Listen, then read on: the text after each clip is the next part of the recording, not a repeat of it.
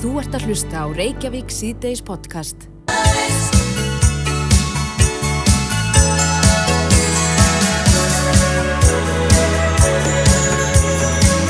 Jæja, nú er alþengi komið saman en uh, það var nú enna eftir að ákveða hvað hva verður í norðvestur kjörðami. Já, þessu stóra máli er hvergin er í lokið. Ó nei. Hvernig enda kostningan? Það er bara, það er ennþá áhuldu. Já, við býðum í ofenni en uh, áhugaverður pistil sem byrtist á vísíta. Mm -hmm.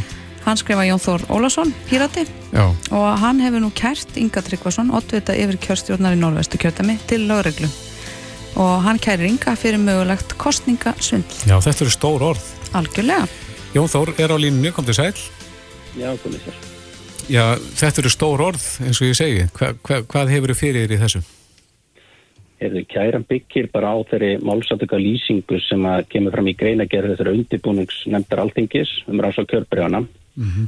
og þeim ofinbjör upplýsingu sem lauruglan uh, sendi nefndinu. Þannig að það eru málsattökin, það eru bara fundir þar.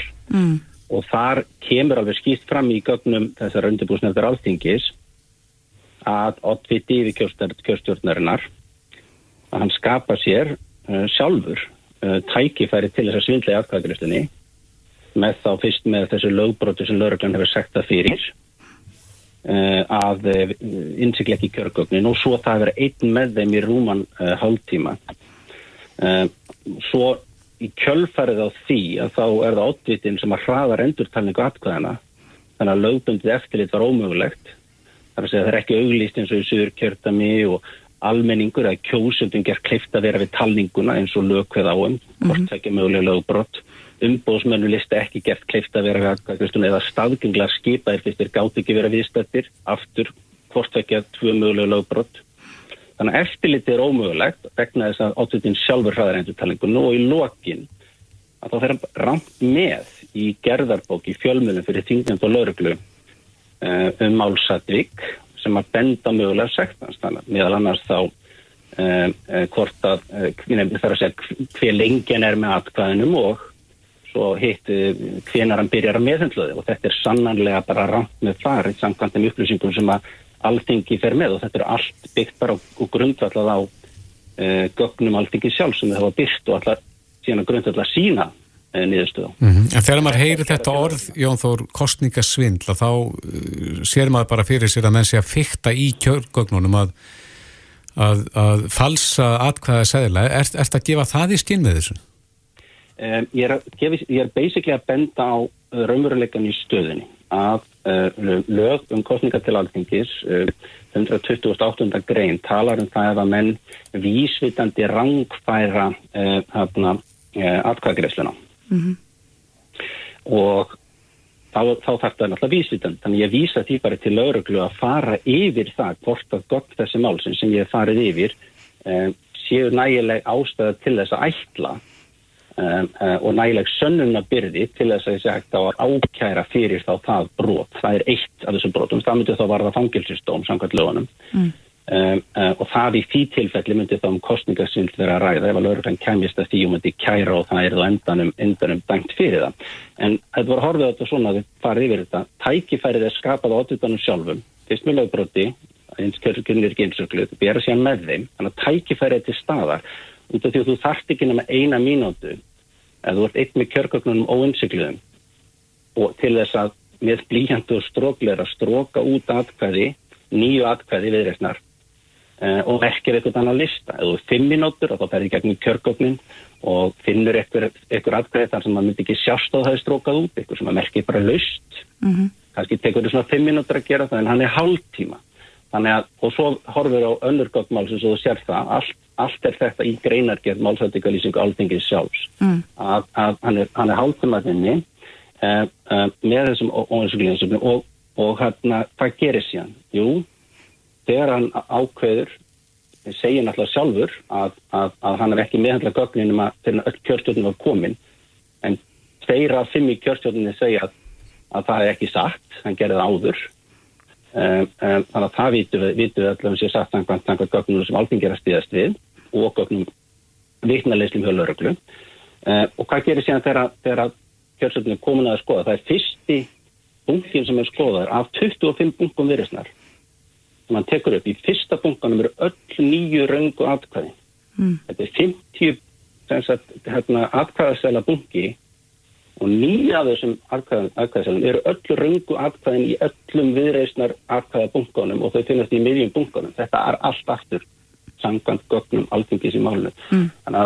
Og síðan er endurtalningu flýtt, þannig að segjum það en þá þannig að skoða það í samhengi að það var mögulegt kostningasvindl það var mögulegi ákostningasvindli og sami aðeins og skapaði það tækifæri og gatt framkvæmt á aðgerð flýtir síðan atkvæðagreiftunni þannig að lögbundin uh, eftirlit með atkvæðagreiftunni er ómögulegt þarna er alltaf fjögur mögulega lögbrótt og síðan rángfærslu sem í kjölfarið er um það hvernig málsættöku voru hver lengi hann var með atkvæðanum og hver, hérna, hvenar, hann, hvenar hann byrjar að sísla með þau eh, er að ránkvæstur jafnframt en í báðum tilfellum eitthvað sem hann getur varðað og haft áhrif á mat á sekt hans ef að, ef að hvort að þess að meta það að hann sé segur þá fyrir mögulegt, þetta mögulega kostningarsinn. Mm. Þannig að ég myndi segja að göggmálsins sem alltaf ekki sjálft hefur gefa tilöfni til þess að lögreglan rannsaki þetta og komast að niðurst í málunum. Mm. Uh, það getur nú tekið einhver tíma. Hefur þetta hefur þessi kæra og ef það verður nú gefin út ákjæra, hefur þetta einhver áhrif í rauninni á þetta kostningaklúður eins og það hefur verið nefnt, það er að segja kost, um það verður kosið á alþingja morgun hvort eða farið uppkostningu eða láta aðra okkur að talninguna gilda, þetta er í rauninni algjörlega óháð því Kæran sem slík eh, beinist bara til lauruglu og lauruglan þá annarkort sektar fyrir eins og ég nefni ykkur ekkur eh, hérna sjö möguleg kostningabrott og gefur út mögulega ákjæru til fangilsisrefsingar fyrir tvö. Um, um, og það er bara, er bara borðið lögreglega að gera þar. En er síðan, og alltingi tekur afstöðum það hvort það ætla að taka þá þessar talningu endur nei þessar þau kjörbröð sem eru gefin út á grundvelli þessar endurtalningar hvort það ætla að láta það ákveða hverju séu þingmenn En það er bara, bara ákvörðan alþingis og þau geta gert það náttúrulega þó að það séu lög brotin. Þannig er það í okkar stjórnarskrá og hefur verið bent á að það stendst ekki góða líðræðislega, vestræna líðræðislega hérna, staðla og fer til Maritidómstólna með öruglega eh, í kjölfarið. Alþingis sé að taka þessu ákvörðin. Mm -hmm. En Jónþór, það hefur komið fram í, í fréttum að það verður í rauninni kosið um er það ekki tvær leiðir, eh, rannsóknar nefndi komst að því að annarkvært eigi önnur talninga gilda e, nú eða fara í uppkostningu en þú hefur nú nefnt í þessu ferli að þú viljir að fyrsta talningin gildi. Já, þannig að ég var að byrja að rannsaka þetta síndis með að vera líðræðislega leiðin. Um, hafandi sem sagt kafa mjög djúftón eða núna sínist mér að það, sko, ef þú ætlar ekki að fara í aðra kostningum samankort að uppkostning í kjördæminu uppkostning í öllum kjördæminum sem er möguleg og hafna bara öllum kjörbreyfum eða þá bara eftir þetta allt saman þá myndir það ekki vera morgun og þá getur náttúrulega bara þingið gert þingsálegtun og vísa þetta fórsættinsrátar að rjúa þing og búa til nýra kostninga í ljósi vantröst bara á það að alltingi sér rétt kjörið það er aftur möguleiki líka. Um, en ef að menna ætla að láta sagt, talningu þessara atkvæða eh, eh, ráða því hverja vera þingmenn eh, að þá eru þrjár leiðir. Og það er að fyrstin alltaf lætur fyrir talningu gilda. Það var sannanlega bókað í gerðarbók eh, sagt, þessari yfirkjörstjórnar að kostningum er lokið, það er bara orðri eftir sjáðu í kærleiki fyrir þetta, bara kostningum er lokið þarna eh, klukkan 7.15 um morgunin Um, svo frestaði fundi til þess að fara að taka til hérna þegar það kom aftur og sannanlega kemur fram í gögnunum að þeir hafa farið ætla að fara í ákveða formlega að fara í endurtalningu. Þetta er allt skrifað í þeirra eigin gerðabók. Mm -hmm. um, þannig, að, þannig að það er og niðurstöðunar voru bókaðar eftir að kostningin lokið. Þannig að þú gætir alveg sagt, heyrðu við, við getum ekki treysta þessari setni, hún er byggð á gögnum sem að við getum ekki við bara, þau hreinlega get ekki sagt að þessu rétt, það var möguleiki á því að það var kostningarsveitlarna með blíjandi og strókleri þannig að það er bara, bara staðreind í málunum samkvæmt gögnunum sem það sjálf þannig að ef þið ætla ekki að fara í uppkostningu eða í kjörðam eða á landsísu að þá, að þá hérna, eða öllum kjörðam en þessi ég segja En hvernig stendur þá því að meirulhutti nefndarinn að kemst að því að önnurtalninga er gilda ef þetta, svona, ef þetta blasir svona við? Já, það, það, það, þá spyrir maður sjálf sig, hvers vegna er það þannig að mannrættindónstól Evrópu hefur dæmta sem, sem mannrættindabrót og brót á lýraðinu að þingið sé sjálftast ákveða eh, hvort að það sé rétt kjöri. Það, það er það sem er spilsinn. Já, þetta getur getur það haft áhrif á ákvörðum fólks og fólk, fólk ég meina það er ekki eins og mannskeppnum sé ekki duglega að blekja sjálf að sig jafnvel þó hún myndi bara vera að blekja sjálf að sig í, í, í kraft eigin hagsmuna, það er bara sálfræðin hefur sínt okkur og það, það, það er mjög diggilega í, í gegnum áratuguna þessu sálfræðiransóknir sem að, sem að hérna já, bara, já. við erum mjög duglega að blekja sjálf okkur ef, ef það hefur að gera með okkar einn hagsmuni Er rétt í lokin Jón Þór, ertu búin að kæra? Kæran já, ég senda hana, senda hana rétt eftir hátti á uh, lauruglustjórn á Vesturlandi, þannig að hún er komið þangað. Einmitt, já, við fylgjum. Hún var mótökinn, hún er komið. Við fylgjumst vel með þessu, Jón Þór Ólafsson, Pírati fyrirvandi áþengismöður. Takk kærlega fyrir spjallið og gangið er vel með þetta. Kæra þakkir, það var gott. Sjömmulegis, takk. Þú ert að hlusta á Reykjavík C-Days podcast. Það er ótt að segja að fá mál hafa vakið jafn hörð við bröðunum på síkastið eins og uh, blóðmera haldsmálið. Mm -hmm, þar sem að flettu við ofan af yllri meðferð, mjög yllri meðferð á hrissum, uh, fylfullum hrissum sem að blóði dreyið úr. Mm -hmm. En nú hefur, nú síðast, bættist dýralæknafélag Íslands í, í hópin, sendi frá sér yfirlýsingu vegna málsins og línun er formaði félagsins, Bára Heimistóttir, kom til sæl. Já, komið sæl. Já, hvað segir í yfirlýsingun ykkar? Já, það segir náttúrulega það sem við held ég að séum öll samálum að við fordumum þessa ömulegu meðferð og ómannulegu meðferð á horsónu sem kemur fram í þessu myndskeiði. Mm -hmm. Hva, hvað er það við meðferðina sem að þið hérna, setja spurningamerki við? Já, það er nú bara fyrst náttúrulega þessi harka og ónærgetni sem við sjáum í umgefni við dýrin, mm -hmm. viðrýsutnar. Mm -hmm. Svo líka þessi skarkali og ringulreið sem við veist vera ætlað til að reyna að ná meðrónum inn í bóksin, inn í, inn í rennurnar og það skilar engu, við vitum það öll sem umgöngust dýr að það skilar engu þessi læti dýri veru hrætt og veit ekkert hvað sér ætlast til að því. Nei. Við heyrðum í formanni Dýravendarsambands Íslands í gær, Hallgerði Högstóttur og hún sagði að það væri hennar sín á þetta að, að dýralæknarnir sem eiga að vera viðstættir hérna hafi bröðist stildum sínum. Tekur undir það? Já, það er alveg ljóst að okkar skilda er, og, og, og okkar ábyrð er mikil í slíkum málum. Mm -hmm. Það er alveg ljóst. Við eigum að gríta inn ef að við verðum vörfið það að, að það sé verið að brjóta á dýrinu á nokkur nátt eða merfið þess ekki trygg. Þá hefur að stoppa blóttöku og, við, og það er alveg skýrt að þannig hefur við að bregðast við. Mm. Eins og er rétt að taka það fram að það, ég tristi mér allavega ekki til að dæma út frá þeim myndum sem kemur fram í þessu myndskeiði. Hvernig dýralæknirinn, hvað hann sér, hvað hann verður varfið, hann, hvort hann sjáu það sem er um að vera þarna úti það finnst mér ómögulegt að dæma um út frá því sem ég sé í minnskiðinu en, en ábyrðu okkar er skýr að mm. stoppa mm. ef við verum vörfið eitthvað slíkt. En, en hvernig er hljóðið svona almennt í dýralegnum eftir að þetta mál uh, kom upp á yfirborðið? Um, hljóðið okkur er í raun og veru bara eins og í öllu samfélaginu og okkur er mjög bröðið og við erum bara afskaplega döpur að sjá að þetta sé eitthvað sem hefur, hefur gerst því það hefur sannlega gerst því þetta er staðfest á mynd. Mm -hmm. En svona almennt um blóðmerar, um, nú er náttúrulega lagt til að þetta verði bannað á Íslandi. Já. Hvað finnst dýralegnum um það? Ég held að það séu mjög skiptar skoðinir hjá dýralegnum. Við erum breyður hópur og í mörgum starfsgeirum.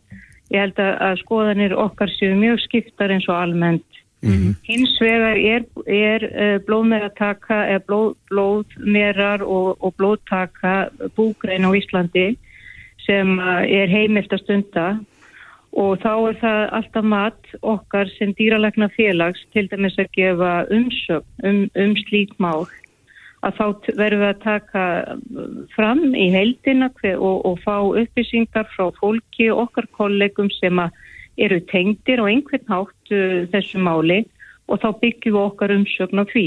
Hins vegar er aldrei hægt að setja saman sem merki með það að vera að gefa heimild fyrir einhverju slíku á þessu myndbandi. Því það sem er á þessu myndbandi, það, það er enginn sem er réttlægt slíkt.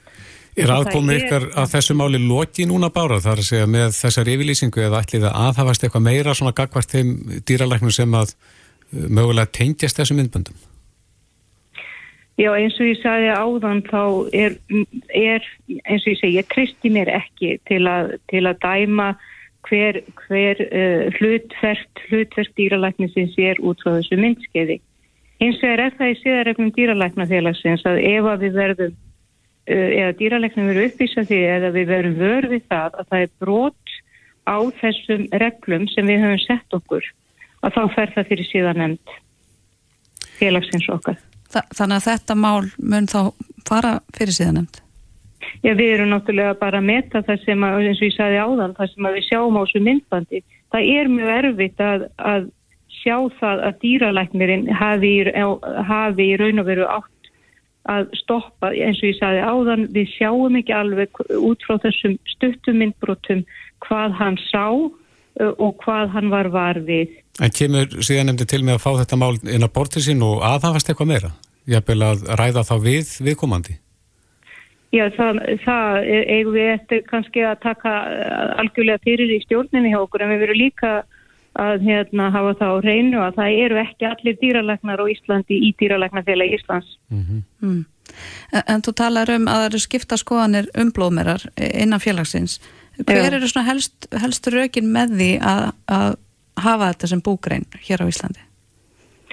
Já, búgrein í raun og veru um, bara eins og aðrar búgreinar, þá er í raun og veru verið að, að nýta afurðir dýra, það getur verið mjölk eða blóð eða kjött eða slíkt til framleiðslu. Það sem þarf að vera tyggt í öllum búgreinum, það er það að velferð dýrana sé tryggð. Mm -hmm. Það sem við höfum séð og það, það sem hægt er að gera undir þeim skilurinn sem að matfælastofnun setur þá er hægt að framkvæma blóttöku á þann hátt að dýrinu veri ekki meint það og að það sé hægt að, tryggja velferð þess. Mm -hmm. Það er hægt að maður er nærgetin og fyrir öllu rétt. Já, það er til dæmis aðna brotið þessu myndbandi sem hefur vætið mikið nógu að þá er ein meran að niðurlótum komin e, búin á, á því og lippast niður og í staðin fyrir að strjúka henni að, að þá er hún slegin í trínið tvisasunni. Já, það er mjög ljótt það, það. Þetta er sátt að sjá. Já, þetta er mjög sátt, sátt að sjá, það er, það er ekki spurning og það er líka þannig að, að og ég eins og við komum fram í yfirlýsingu okkar með að þá þarf náttúrulega bara að skoða alla þessa umgjörð. Við verðum að vera gaggríni þegar við sjáum slíkt. Það er ekkert sem að segja við höldum bara áfram gakka á þess að endur sko þess að hluti við verðum að gera það. það. Það er algjörlega ljóst og þá verðum að líka vera bakgrinin og það eru allir einstaklingar, eru allar merar þess eðlis og með þannig geðslega að það geta verið akkurat í þessari búgrein og vera þá dugleg að kippa þeim út um leið og það sína þá hefðurna það ráð ekki við aðstæður eins og klálega þessi mér er gerð. Mm, þannig að þetta mál hefur vissilega vakið upp allsken spurningar og er hverki næri búið eða hvað? Já, það er algjörlega rétt og það á og eins og við nefnum líka í þessari yfirleysingu eins og sárt eh, er að horfa á það að þetta sé staðrind að þetta hafi gerst að þá er mjög gott að slíkt komi upp á yfirborði. Við verðum að horfast í auðu við það að þetta eru einhverjum aðilum sem finnst eðlilegt að umganga svona dýr og það er aldrei bóðilegt. Mm -hmm. Og þessu máli hvergin er lótið heyri við, eh, Inga Sæland sem að læði fram frumvarp, eh, þess efnis að banna þessa stað sem hún hyggst leggja fram frumvarpa nýju, þannig að allþingja á eftir að fá þetta mál til meðferðar? Já, hárið. Og það er mjög eðlilegt að, að þegar að við sjáum svona myndskeið að þá komi þessi spurning upp á þetta að vera leifilegt en við megum ekki gleyma því að það er fullt af bændum þarna úti í blóðmerahaldi sem standa sér mjög vel. Það á alls ekki við um alla þetta sem og bara guðmur góður, það er algjör undatekning það sem við erum að sjá þarna sem betur, betur fyrr. Einmitt. En þeir halda sér svolítið til hljés í þessar umræðu og alltaf greinilega býða þessar stormin? Já, það er alveg skynalegt. Það er alveg, það er það er rosalega erfitt að koma inn í umræð eins og við vitum bara svo víða í svo mörgum málum á Íslandi og, og, og, og það, er, það er svo erfitt að setja bóðmerahald og þetta myndskeið undir að það, það er aldrei hægt að réttlæta þetta myndskeið. Þess vegna vill, vill það tengjast bóðmerahaldinu og það, það er svo erfitt að réttlæta þegar vel er gert. Mm -hmm. af því að það er ekki verið að sína það Nei, enda kannski fyrir umræðina þá er mikilvægt að þessir aðeins blandi sér í hana og komi þá sinni hlýða framfæri. já, já, og, og Ístekka hefur nú svo sem komið með yfirlýsingu frá sér og annað og En, en umræðan er á hennu góða og hún er í þáu dýrana og það viljum við sjá. Einmitt. Bára Heimistóttir, formadur dýralagnafélags Íslands. Kæra þakki fyrir spjallið. Takk fyrir mig. Þetta er Reykjavík C-Days podcast. Jæja, klukkan er eftir tíu myndi gengin í sex og uh, við ætlum að demba okkur aðeins nýra á þing. Já, á línunni er Þorgeður Katrín Gunnarsdóttir, eh, starfandi þingfósiti. Góðan og blessaðan daginn, Þorgeður. Já, sælveri. Við vorum að leiðra þetta miskilning, þú ert ekki aldursfósiti, heldur starfsaldursfósiti. Já, bara þannig að það sé alveg á senu, en ég spyrir var Þorbjörg Sigurleður eða oppa að byrja ykkur um að segja þetta, því mér, það er verið að, að gera svolítið í því að stríða mér í þessu og ég hljóta að vera lang elst, það er ekki eftirlega samvikið á á milli. Nei. Erum einn annan öðling hér sem er, er, er aldursfósiti og er mikill töffari, ég hlakka mikið til að vinna með það. Hver er það? Tommy, það er Tommy í Tommy. Já, Tommy að sjálfsögðu. Hann er alveg klassa, það er ótrúlega gaman að sjá hann hérna og ég, ég hlakka mikið til að vinna með honum. En hvað ertu búin að vera lengi á þingi? Síðan 99 mínus 3. Já. Það er 3,5, já. Og reiknaði nú? Já, já það, er, það er 19. Einmitt, 19 akkurat. Já. En e, það er stórdagur á morgun og þú kemur vantilega til með að stýra þessum fundi á morgun mm. og fundaði með þingflokksformunum í dag. Hvað kom fram á þeim fundi? Já, það er svona, við erum að ræða fyrirkomulagi og skipulagi og reyna allt okkur að hvort þetta verði lengu umræða og mikil. Þetta verður náttúrulega mikil umræða. Þetta er sérstakar aðstöður. Ég er svona sjálfdalend í, í, í svona aldrei umræðum kjörbreyf. Mm. En ég skynja það að það er allir flokkar sem að vilja vanda sig, það er mikið undir, það er uh, trúverðuleiki á líðræði, það er hvernig við vinnum. Uh, það er ekki hægt að segja til um það að það sé einhver ein leið sem er réttari heldur en önnur. Það verður bara hver og einn þingmaður að eiga það við sína samfaringu og samvisku. Og mér fannst gott að finna tónin í, í öllum þingflósformanum, eins og ég segi það vilja allir vanda sig og ég vona að það verði svona ákveðin hófsendi í umræðinu um leið og það er, það skiptir miklu máli að allir þingmenn fái að tjá sig, fá að fara vel yfir málinn og, og þess vegna eru til að mynda uh, engin takmörk á, á umræði. Þó ég bindu þetta vona við það að þetta klárist á morgunum ef að þingmenn vilja tala lengi í þessu máli þá að sjálfsögðu hafa þeir allt sveirundu þess. Mm -hmm. er, er þetta eina máli að dasgra á þingvöndinum á morgun, kjörbrífin? Já, já, það er þessar tilugur, það er búið að koma fram að það verða Uh, eh, vantilega þrjár tilugur sem að verður rættum uh, og það er að segja uppkostningu vantilega á landinu öllu sem þýðir sem er til að frá pýrutum vantilega þá uh, þingróf og, og kostningar um landallt það verða verður til að um ógildingu á kostningunum í norðvesturkjörðami og þar með, talið, þar með í kjálfari uppkostning og síðan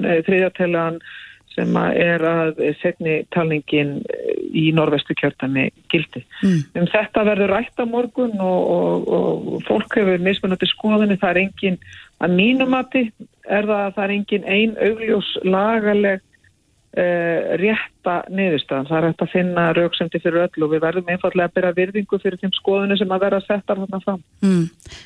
Það verða greitt atkvæðum þess að tilur. Verður þetta ekki örlítið flókið í framkvæmt? Jú, þetta kann að vera flókið en ég bind nú vona við það að þegar uh, umræðan hefst og þá skýrist nú málið þegar álýður uh, daginn um, og svo munum við bara einfallega að greiða aðkvæðin þetta eins og tilugurnar hljóða og taka þá, þá tilugur sem gengur lengst fyrst og við hefum eftir að skoða það hver gengur lengst og síðan þú sem að kemur þar á eftir og, og ef hún verður fælda þá, þá friði. Mm -hmm. Þannig að En sínist þér Þorgjörður að svona miða við það sem að þú hefur lerað þarna í þingjuna að þetta muni skiptast bara eftir svona þver pólitískun línum? Já, ég bynd vona við það og ég ætla bara að lega mér að trúa því að og ég hef sagt að það eru allir að vanda sig, ég skimja að allir þingmenn sem ég hef talað við úr öllum flokkum þeir átta sig á mikillega ábyrðinni sem að fælst náttúrulega alla jafn í öllum þingstöru þeirra en, en hún er mjög mikil á, á morgun og þess vegna er, segi ég, það er hver og einn þingmaður að gera þetta upp við, við sig, mm. sína samvisku, sína samfaringu og það er það sem að gildir að, að þeir geti kynnt sér gögnin vel um, ég hefði kannski að því að uh, nefndin er að skila endalega á morgun eðlilega hefði kannski verið betra að fá örlítið meiri tíma við að lesa gögnum sem slíkt því það hafi ekki allir þing með verið í kjörbríðanendinni mm -hmm. en það breytir ekki því að við erum búin að fylgjast vel við málinu og þingmenn eiga að vera í stakk búinir til þess að, að móta sér sína skoðan út frá þeim gögnum sem að, sem að fyrir likja mm. og bera virðingu hver fyrir öðrum og, og niðurstuðu hvers og eins. Eh, mæðir mikið á þér á morgun sem starfandi þingfósita? Já, ég verða allavega upp í pontu, nei upp í, upp í þingstól og, mm. og og verða að, að, að eh, stýra fundi og, og hérna, gæta þess að drekka kannski allt, ekki alltaf mikið af, af vatni eða kaffi til þess að það þurfi ekki að fara á klósit. Mm -hmm. En uh, þetta ferli hefur allt saman verið gaggrind líka og, og það að þingir sé að taka ákverðin í þessu máli, að það sé mm. verið að dæma í rauninni í eigin sök eða hvort að þetta þingi í að standa óhakkað. Uh, hefur þú trúið því að á, á þessu þingi verði þessu fyrirkomulegi breytt? Að þetta verður það í höndunum og okkur með öðrum að, að taka svona mál til meðferðar? Já, ég held að þessi, þessi gaggrin er mjög réttmætt og uh, við getum ekki orðið við henni núna bara einfallega út frá þeim uh, lögum og þeim ramma sem okkur er búið í dag. En, en það er alveg, alveg borlegjandi að við þurfum að taka bæði þetta fyrir og ímislegt náttúrulega annað í kostningalögjöfinni Eh, sem að tengis meðal annars því hvernig við getum leitt fram raunverulega að vilja kjósenda á. Hver ætti að stjér úr um svona mál? Á ég að byrja bara á jöfnuvægi atkvæð.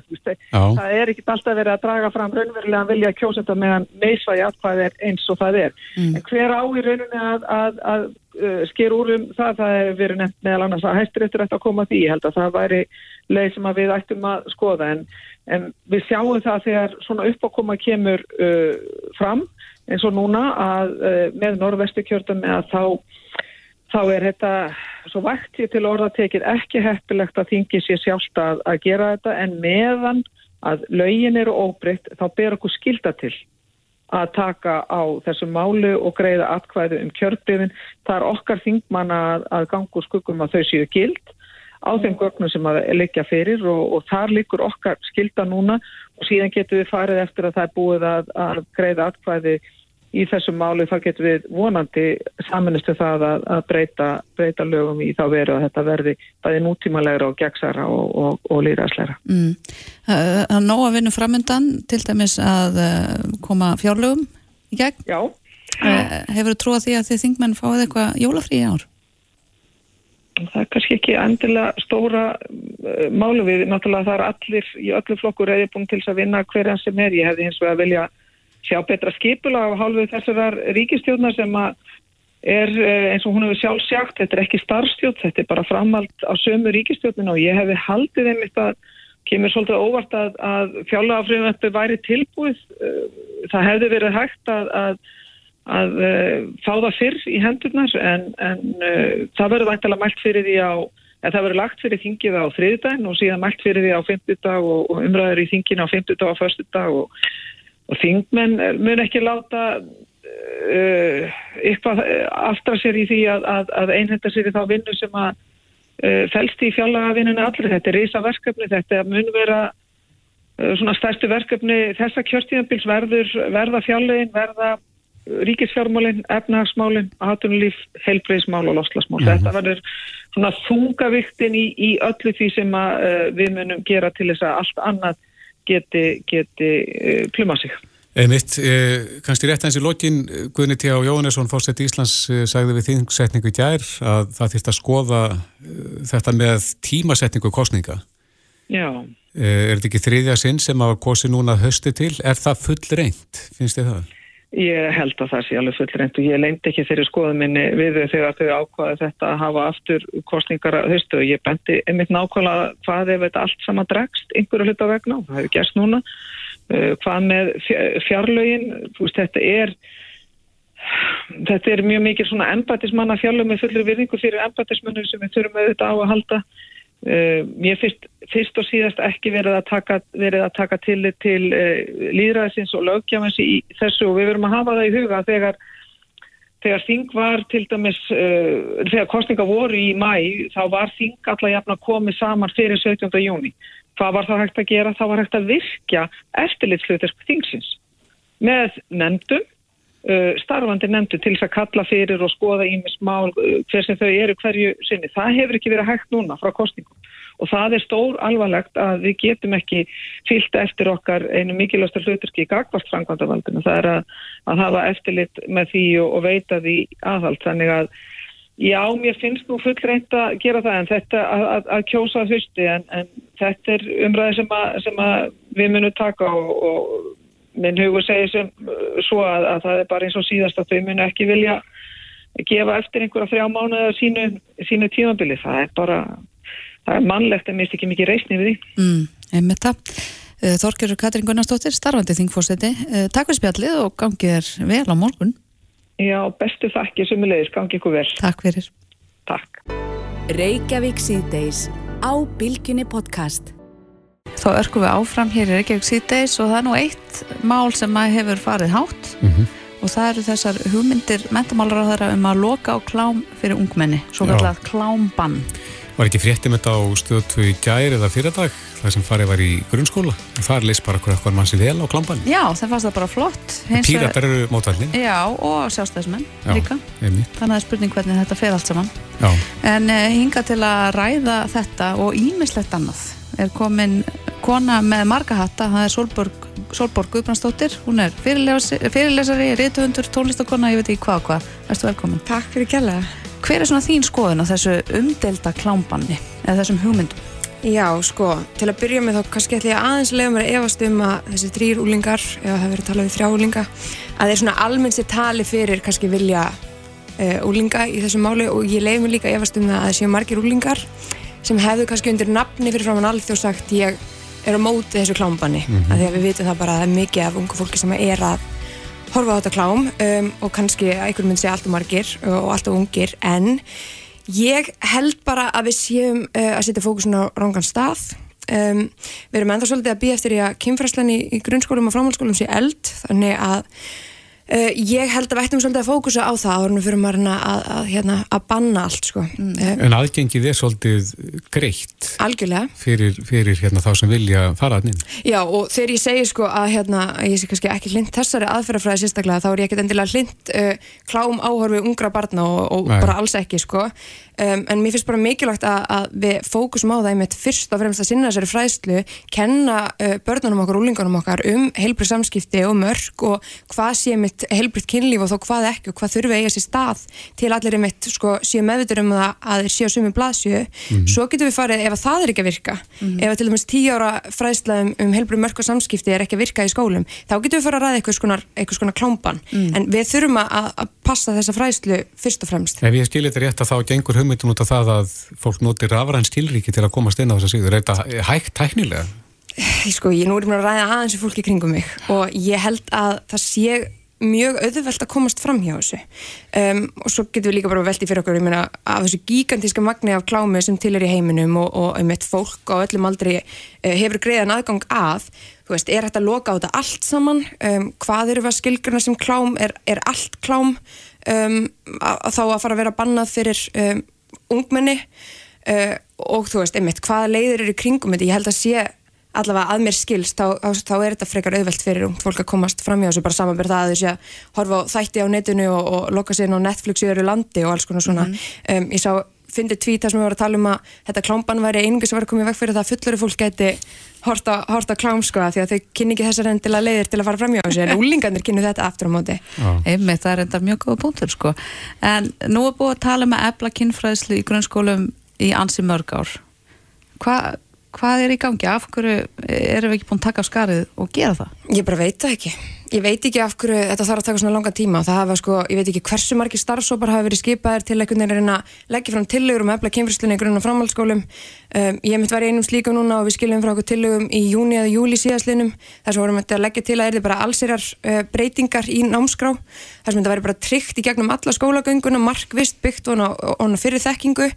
Um, og ég held að einmitt ef við myndum sinna þessu, þessari mikilvægi kynfræslu og hún væri ekki bara einu sinni gegnum skólagönguna um, einu sinni tvisvar jafnvel um, ef við myndum tryggja þetta þá er ég vissum það að við sæjum færri ofbeldismál í samfélaginu uh, kynnsjúkdum og smutum myndi minka og tímabærum þungunum þeim myndi fækka, það er svo margt sem að og betri líðan líka unguna því við erum alltaf að tala um að unga fólkinu okkar að því líði ekki nógu vel. Mm -hmm. allt, sko, þessi aukna kynferðslega myndi bæta allt þetta. En ég bara, ég skil ekki af hverju það þarf að taka svona langa tíma þegar sérfræðingur eftir sérfræðing hefur komið fram og sagt við þurfum að ebla kynferðsluna mm. það, það þarf ekki mikið til að koma þessi gegn það þarf bara að gera þetta. Þannig að þessu umræða sem er í gangi núna hún er í rauninni að byrja á raungum enda Ég held það. Og ég, sko, ég er alveg vissum það og, og veit það að þessi sérfræðingar sem eru að leggja þetta til uh, hafa uh, meiri þekkingu heldur en ég á þessum álaflokki til dæmis. En það er, allir að, það er allir að gera þetta til að vernda börnin okkar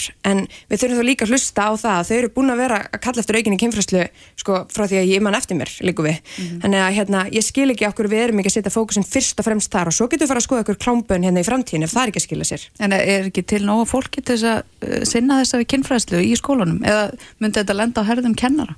Um, ég held sko að, að þess ég bara mikilvægt að þetta sé samfélagslegt, þetta sé uh, samtal sem að gerist bæði í skólum og heima fyrir uh, og þetta sé um þá einmitt, ef þetta eru kennara sem eru að sinna þessar fræðslu að þeir fá þá líka einmitt uh, kennslu í því að kenna þetta.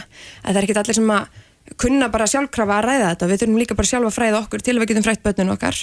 En ég meina það eru sérfræðingar sem að geta aðstofa okkur með það. En við þurfum bara eitthvað að byrja og þetta þarf ekki að taka svona langan tíma. Mm -hmm. Rétt eins í lógin, þú ert með bækur fyrir, fyrir jólina, ekki? Jú, Ég var að gefa bók sem heitir Aðeins færri fávitar.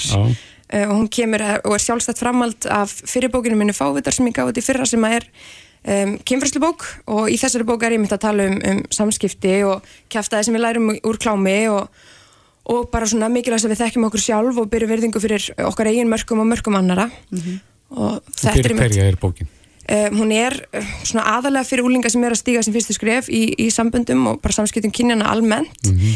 en ég held að fullundan fólki gæti alveg greitt að þið líka að lesa hana því að þannig er líka að tala um þessu orðræðum að ekkert megi lengur í dag. Já. en þetta er nú ekkert svo flóki við þurfum bara að byggja um leifi og halda áfram með daginn okkar. Einmitt. Solborg Guðbrandsdóttir, kæra þakki fyrir komina Takk fyrir mig. Reykjavík síðdeis á Bilginni podcast. Við erum eins og lítið ríkkorn í, þegar maður ímynda sér hérna, heimigeimin og, og algeimin, eða hvað sem þetta er kallað. Já, við erum afskaplega smá. Eins og reykot. Mm. En uh, við lesum líka marga stjæmpilega fréttir um uh, eh, tilhörnum manna mm -hmm. sem að eiga sér stað þarna upp í heimigeiminum. Mm -hmm.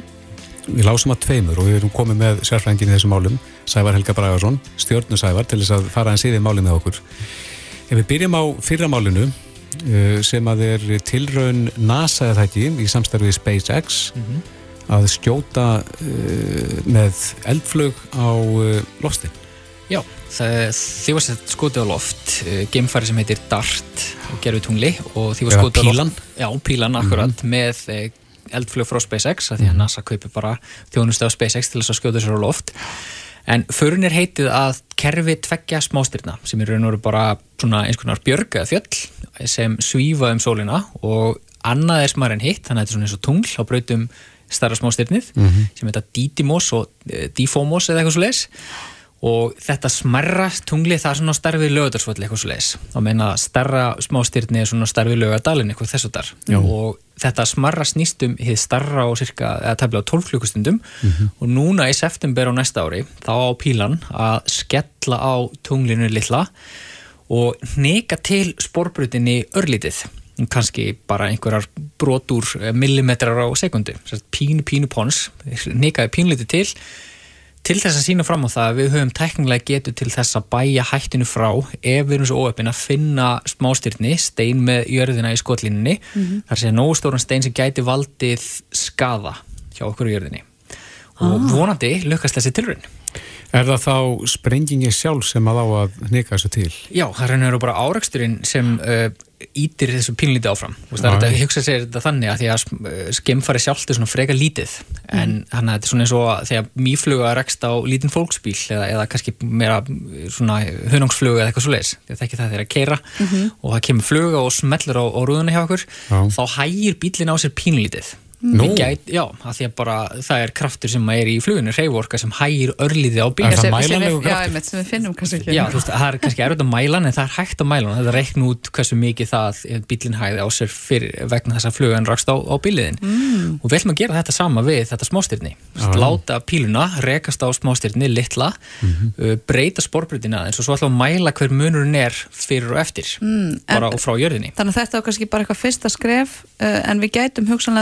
þá, hnikað í ennþá lengra eða hvað? Já, því þetta er kannski svona, hvernig tengist þetta mitt jörðinni? Þegar að segja við, ef við finnum smástyrni sem er með jörðina í siktinu að þá viljum við ekki gera það sama og Bruce Willis gerði í Armageddon sem er sem sagt að senda og kalla olíuborpöllum og sprengi smástyrni tællur Af hverju ekki? En því þá breytir ekki sporbrytinni sko. þannig að það er miklu gáleira að nika því örliti til, breyta sporbrytinni þannig að hún hæfi ekki jörðina. En það er þetta kannski ekki jafn vinsæl stórmynd? Nei, það er mjög leiðilegt að það ekki. Herðu, okkur tókst að íta því um, um 1 cm sem dugir til, erum búin að bjarga jörðinni. Að Þetta er eins og að, að hérna breyta byssukúlu í, í haglaskot. Já, til dæmi sko, akkur nákvæmlega þú breytir ekkert, ekkert í hvert skoti fer. Það fer áfram bara en hérna þú verður fyrir mörgum skotum í staðan fyrir einu sem að mögulega getur lifað af. Já.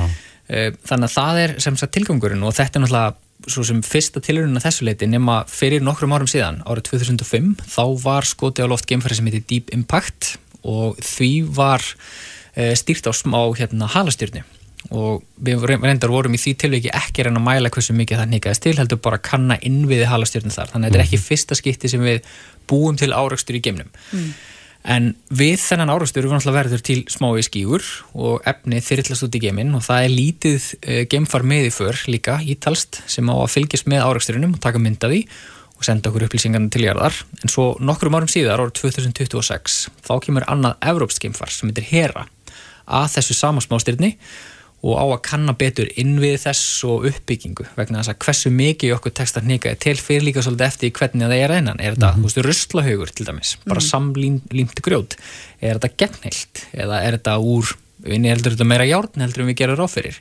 Þetta er allt saman hluti sem skipta máli uh, þegar við ætlum að koma í vekk fyrir að það fari fyrir okkur eins og reysaðalunum En þegar við erum að tala um uh, eitthvað svona loftsteina sem að rekast hugsanlega jörðina, hvað, hvað þarf hann að vera stór til þess að geta valdið miklum skaða? uh, Já, hann þarf að vera nokkri týjir metrar í Ef við, við bara miðum við lögadalsvöllinni eins og Til dæmis, já, Þa, það væri mjög vondar fréttir fyrir okkur hér í Reykjavík að slíkur uh, nöttur skilli á okkur. Það myndi nánast leggja, Reykj- Reykjavík, uh, leggja Reykjavík uh, við jörðina. Bara hérna, það er því talsveit mikið tjón af byggingum sem myndur hrinja og fólk sem myndur deyja völdum braksins. Uh, þannig að við viljum alls ekki að slíkir árastur reysist af og ástæðan fyrir því að svona lítill steitt getur haft svona mikil áhrif er hraðin. Hraðin sem er á þeim er kannski 10, 11, 12 km á sekundi, jafnvel ennþá meira Mm. og þeir eru býstna efnismiklir, þeir eru náttúrulega nettir þannig að þeir eru mjög þungir og andrumsloftið okkur ver okkur að mestuleiti fyrir þessu grjóti en ekki öllu og því stærra sem það er því meiri skada veldur það.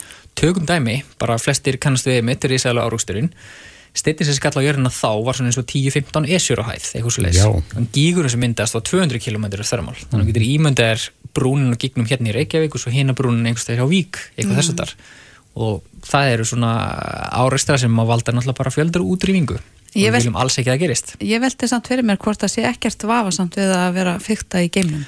Já, sko við erum að fykta það mikið í jörðinni þannig að kannski sleppur þetta til allavega í geimnum að því það er engin hægt á því að þetta tiltekna smástyrni hliðrist það mikið til að það komi til maður skell á jörðinni. Það bara er ekki eins og á, á með jörðinni í skotlinni það sker ekki eins og braut jarðarinnar. Mm.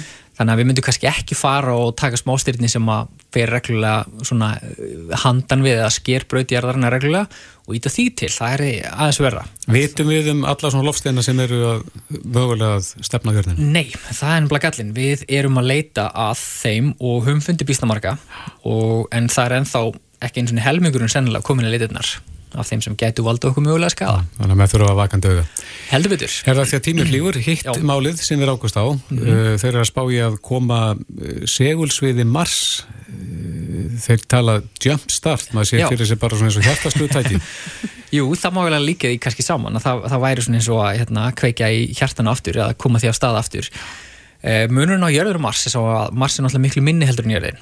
Og inn í yðrum jarðarinnar er járn fljótandi. Og það er svona eins og súpa sem bull síður þannig að járn stígur upp og sekkur niður aftur og þá nuttast það saman. Og þegar málmar svona nuttast saman þá verða til rafleðslur og rafleðslu eða rafsviði fylgir segulsvið. Þannig að jörðin er með þetta segulsvið í kringum sig út af því að innstinn í jörðin er fljótandi hjálpkjarni. En á Mars er ekkert slíkt. Þannig að Mars hefur ekkert svona nattrænt segulsvið og það getur stemt lífi geimfar sem þar alltaf setja staði framtíðin í voða. Og líka þá þessum hugmyndum ríkra manna á jörðinum að gera Mars að plánundu B sem Mars er alls ekki. En það væri hægt og eitt líkilatrið til þess að tryggja viðveru manna á Mars er að búi til verndarhjúp eins konar segulsvið í kringum Mars. Hvernig fyrir á því? Það er mjög erfitt að hrinda kjarnanum um stað aftur því við höfum bara ekki teknilega getur til þess nokkuð tíma sennilega en það eru hugmyndir upp um að búa til svona ring af segulsviði í kringum Mars með því að nýta sér tungl sem heitir Phobos. Phobos er annað af tveimur tunglum Mars og Phobos er svona starfið mýrdalsjökull eitthvað svo leiðis og með því að setja búna þar sem skýtur raflunum ögnum út í geiminn, bara rafindum þá er hægt að búa til svona eins konar kleinurringi í kringum Mars sem væri segulmagnaður. Og þessi segulmagnaði kleinurringur væri sem sagt nógu öflugur til þess að vernda fólk sem mögulega sest að á Mars í framtíðinni en þá vaknar spurningin hversu miklu orku þyrti til þess? Og þá leiða útreikningarnir í ljós að það þyrti áleika miklu orku til þess að gera þetta og mannkynni notar á einu ári. Þannig að enga smáveis orku. Mm. Er það ekki rétt hjá mér Ílan Musk stakk upp á því að sprengja ykkurar kjarnungarsprengjur? Jú, hann bræða pólan á Mars með því að sprengja til dæmis kjarnungarsprengjur og ég veit ekki heldur hversu góð hugmynd það er vegna þess að kjarnungarsprengjur innihald yfirleitt geyslaverk efni líka. Já. þannig að þú myndir gera vatnið þá sem bránar geyslaverkt og það myndi ventala frjósa freka fljótt aftur eða gufa minnst ykkurstu upp í andumsloftinu sem eru örþund. En þetta er ekki góð hugmynd? Þetta er ekki góð hugmynd og hérna, hugmyndum segulsvið er líka svolítið fjärstaðakend. Uh, hún er allavega, allavega ekki raunhafa eins og sakistanda í dag að því að orkan sem þyrtir til er bara gigantísk og þetta undistrykar líka það sem að vísindamenn er að reyna að segja við menn sem hafa þessa stóru skrítnu drauma að mann kynni setjast að Mars til þess að fjölga okkur og drefa okkur um sólkerfið er að eins og sakistand í dag er þetta fyrir einhver óraun hafi verið draumórar mm. Mars er ekki plánund að býja, það er engin plánund að býja við þurfum bara svolítið að setja okkur við það en Mars er hins vegar mjög áhugaverið staðar að rannsæka og hérna vonandi í, á okkar ræfi upplifu það að fólk farið þanga og setjast það þá í rannsóknarskyni frekar heldur en að ætla að búið til einhvers konar borg þar og hérna uppfyll einhverja drauma Elon Musk sem er því mjög fjastæðikendir að þessu liti. Já, það er svona eins og menn svona séu búin að afskrifa jörðina svolítið. Já, sem er nú aldils miður vegna þess að Mars er ömurlegur, væga sagt. uh, hver er versti staðurinn sem getur ímyndu okkur í jörðinni fyrir, til að búa? Eðumörk. Eðumörk, já, já Sahara-eðumörkin eða kannski Suðurskvötið, skítakvöldi. Við datt það fyrst í því. Já, Suðurskvötið er sko eins konar paradís við hliðin á Mars. Það er bara miklu lífanlegri staður nokkuð tíman heldur um Mars er. Já, hugsa bara vel um jörðina. Hugsa vel um jörðina, nummer 1, 2 og 3. Einmitt. Sævar Helgi Bragarsson, kæra þakki fyrir komina. Takk fyrir. Hlustaðu hvena sem er á Reykjavík C-Days podcast. Þakkadjörðin eh, er alltaf að koma sterkar og sterkar inn hér á Íslandi held ég mm -hmm, manni finnst það, það er svona meira að talað um manna og, og eh, margi sem hafa farið í nám til bandaríkjana búið þar sem að koma heim og halda þessum síði mm -hmm. en e, það skiptir náttúrulega miklu máli að elda, er, er ekki kalkútnin, er hann ekki þakkadjörða máltíðin? Jú, ég veit ekki með þegar ég fæ alltaf hérna, myndina í hausin þegar hann sker, er það ekki National Lampoons, þegar hann sker í kalkunin og allt fellur saman og var ræðileg margtröð. það er vist mikil kunst að elda kalkun. Jú, það er það. En við erum komin með góðan mann til þess að ræða þetta aðeins við okkur, Ragnar Freyr Ingvarsson, sem að er læknirinn í eldúsinu, ný komið með bók eh, á markaðin sem heitir Heima hjá læknirinn í eldúsinu. Velkomin. Takk kærlega. Er það kunst? Er kunst að elda kalkun? Þá erum við að tala um heilan, stóran, juicy kalkun.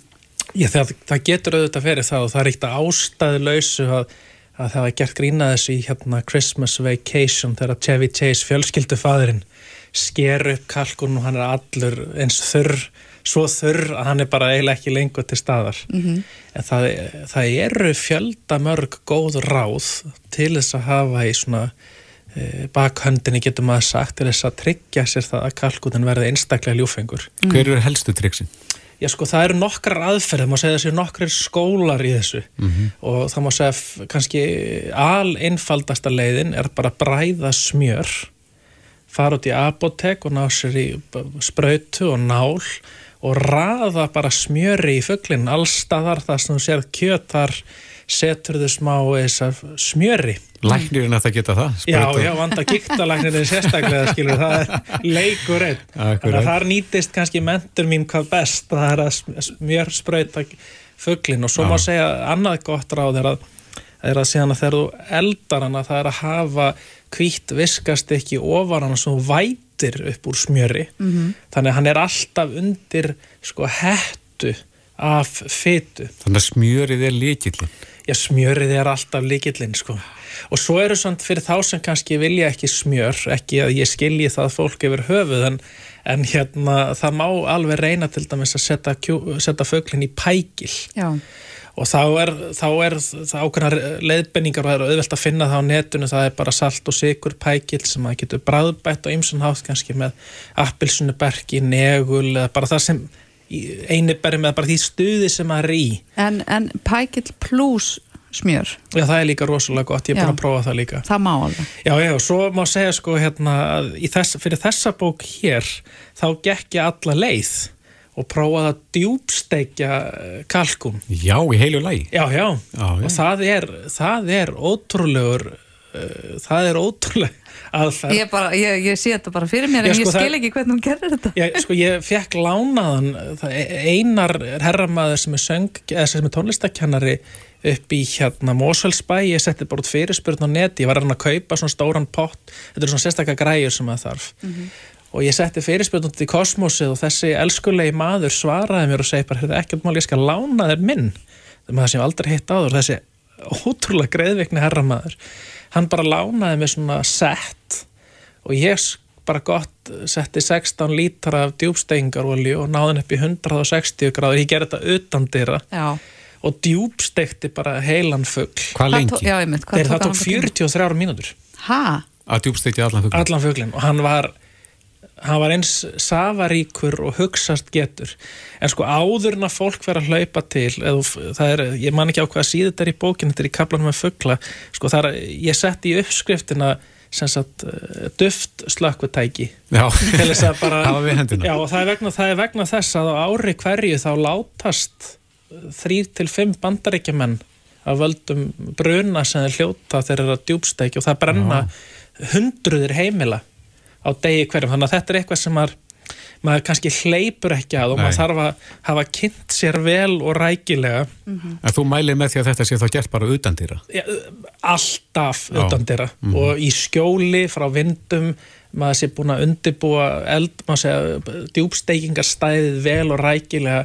Maður er vel útbúin sjálfur maður er með góða svund og í varnarhönskum Einmitt. og maður er með slökkutæki við hendina. En þetta eru hvað það eru 42, 3 mínútur þetta var ekki, já hann sagði við mig 45 mínútur en ég tók hann upp og hitamældan Já. til að vera alveg viss Hvað er, hérna- hvað er potturinn heitur? Er, er er, 160 gráður sko. þegar, þetta, þegar, það- þegar kviknar í þessu þá springur þetta sko. á, En, en ef ég fennum bara í pækil uh, smjör svona einföldu leiðina? Já, það, ég, sko það er sko my go-to. Sko, Já. ég, ég gerði þessa uppskrift bara vegna þess að ég er búin að gera allt annað. Já, þið vantaði áskorun. Ég með bara, og mér langaði fyrir alltaf langað til að prófa þetta. Var, var hann stökkur og og, hann var eins og keks að utan, bara eins og keks, Já.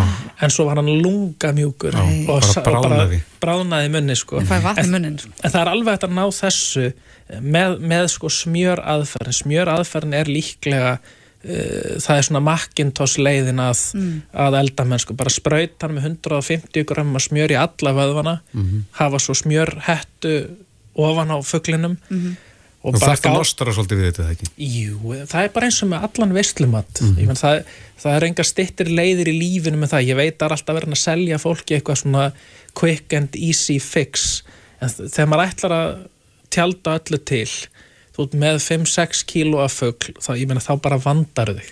En, hvað er steikingatími í opni per kíló á kalkun?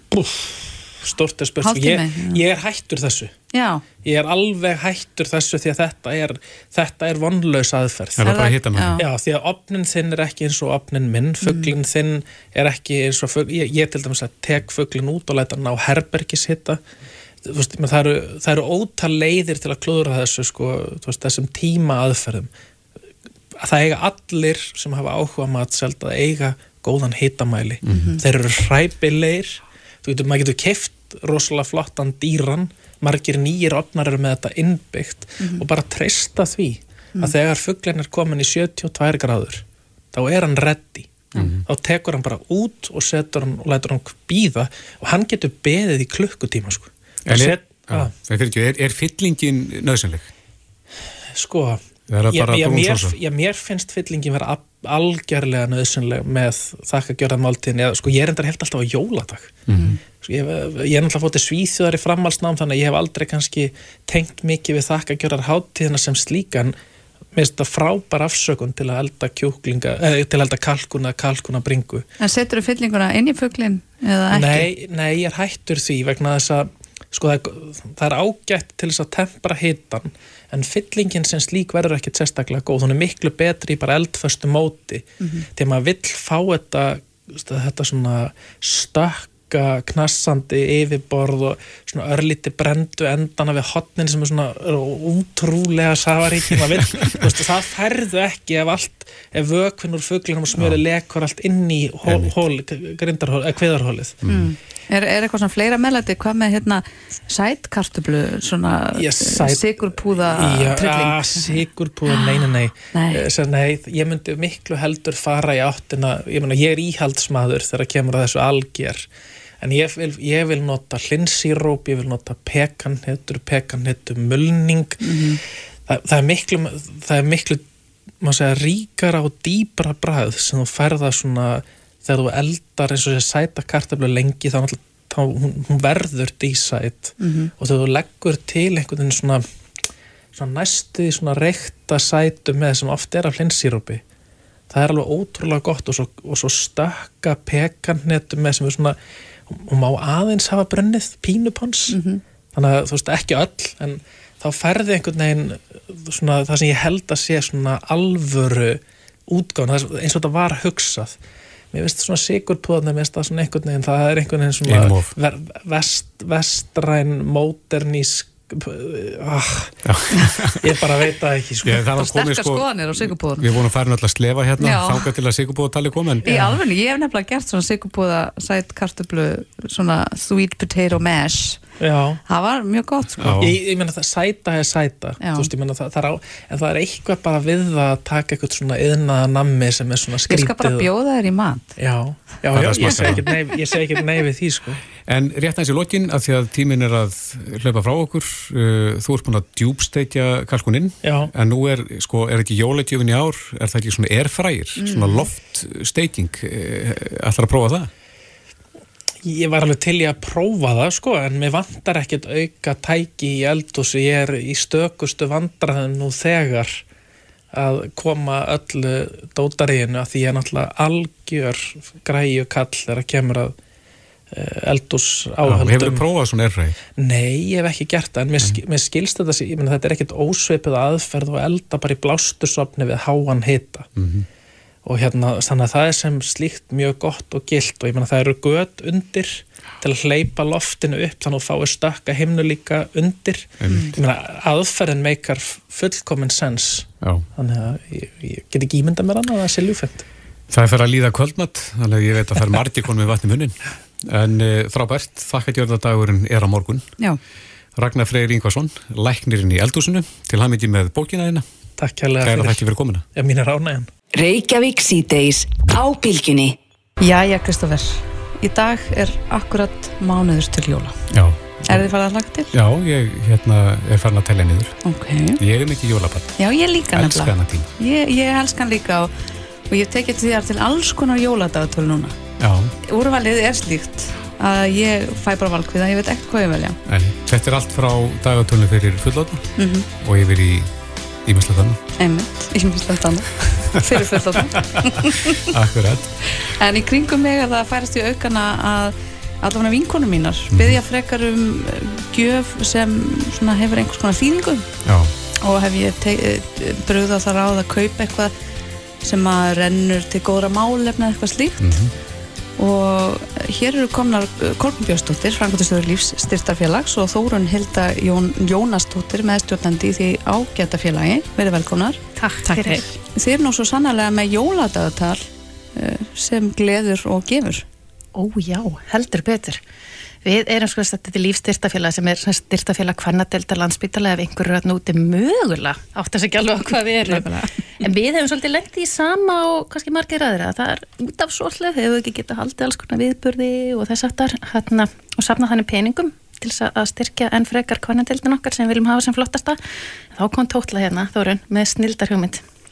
Já, mér bara dætt í hug að vera með bara,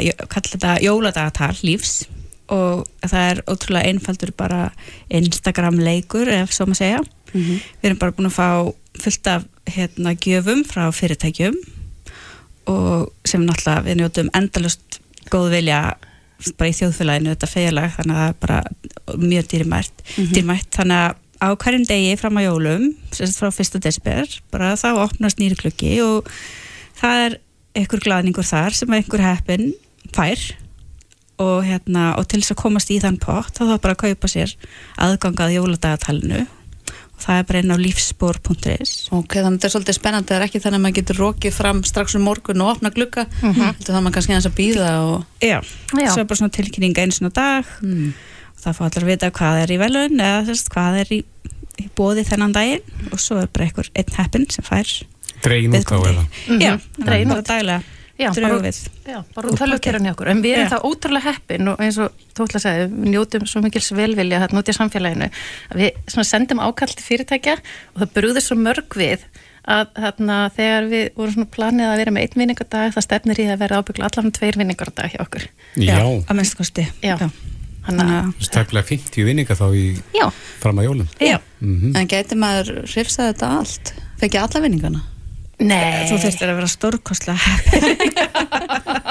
Eða þú rosalega mörg dagatur Já, Já. kaupa oft Já. Já, hann En smá hvað er í vinning? Getið nefnt svona kannski brótaði besta?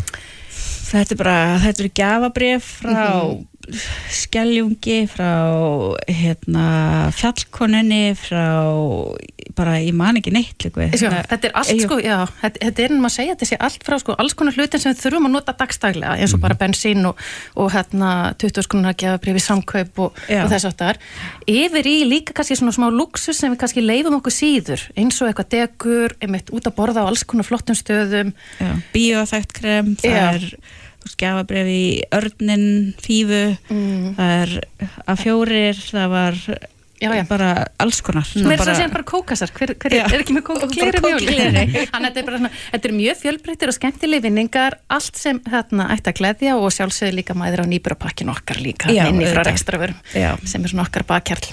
Svo, þið ætlið að, að styrkja kvennatildina. Hvað vantar þar?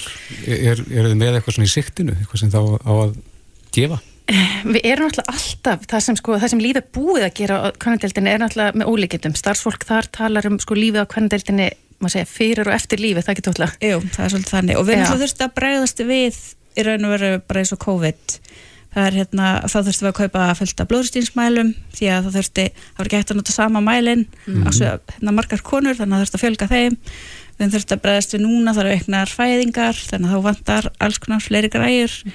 Þannig að við erum bara alltaf til taks. Já. við fáum bara beðnir frá deildinni. Og við sjáum náttúrulega með endur nýja tækin og tóliðar uh, svo hefur við náttúrulega bara tekið í gegn alla merkingar og breytt móttökunni og, og hérna sængukvennagangi og bara listin- þannig að Listin er endalus Já, listin er endalus og við vorum bara að samþekja einmitt og kaupa nýja hérna, skoðunastóla núna einmitt og, og það er svo gaman kannski líka að segja bara því að þó svo við séum aðal bakkjarl sko hvernadeldar nýna á landspítala að þá höfum við samt líka verið að tegja okkur aðeins út fyrir spítalan og bara núna í, í haust og, og, og bara núna í þessari viku, á mánudaginn voru að samþekja sér satt að, að styrkja björkina. Og að kaupa fæðingartöskur fyrir hérna, heimafæðingar sem björkin sinnir. Mm. og hérna það er svo mikið fjölgun líka þar.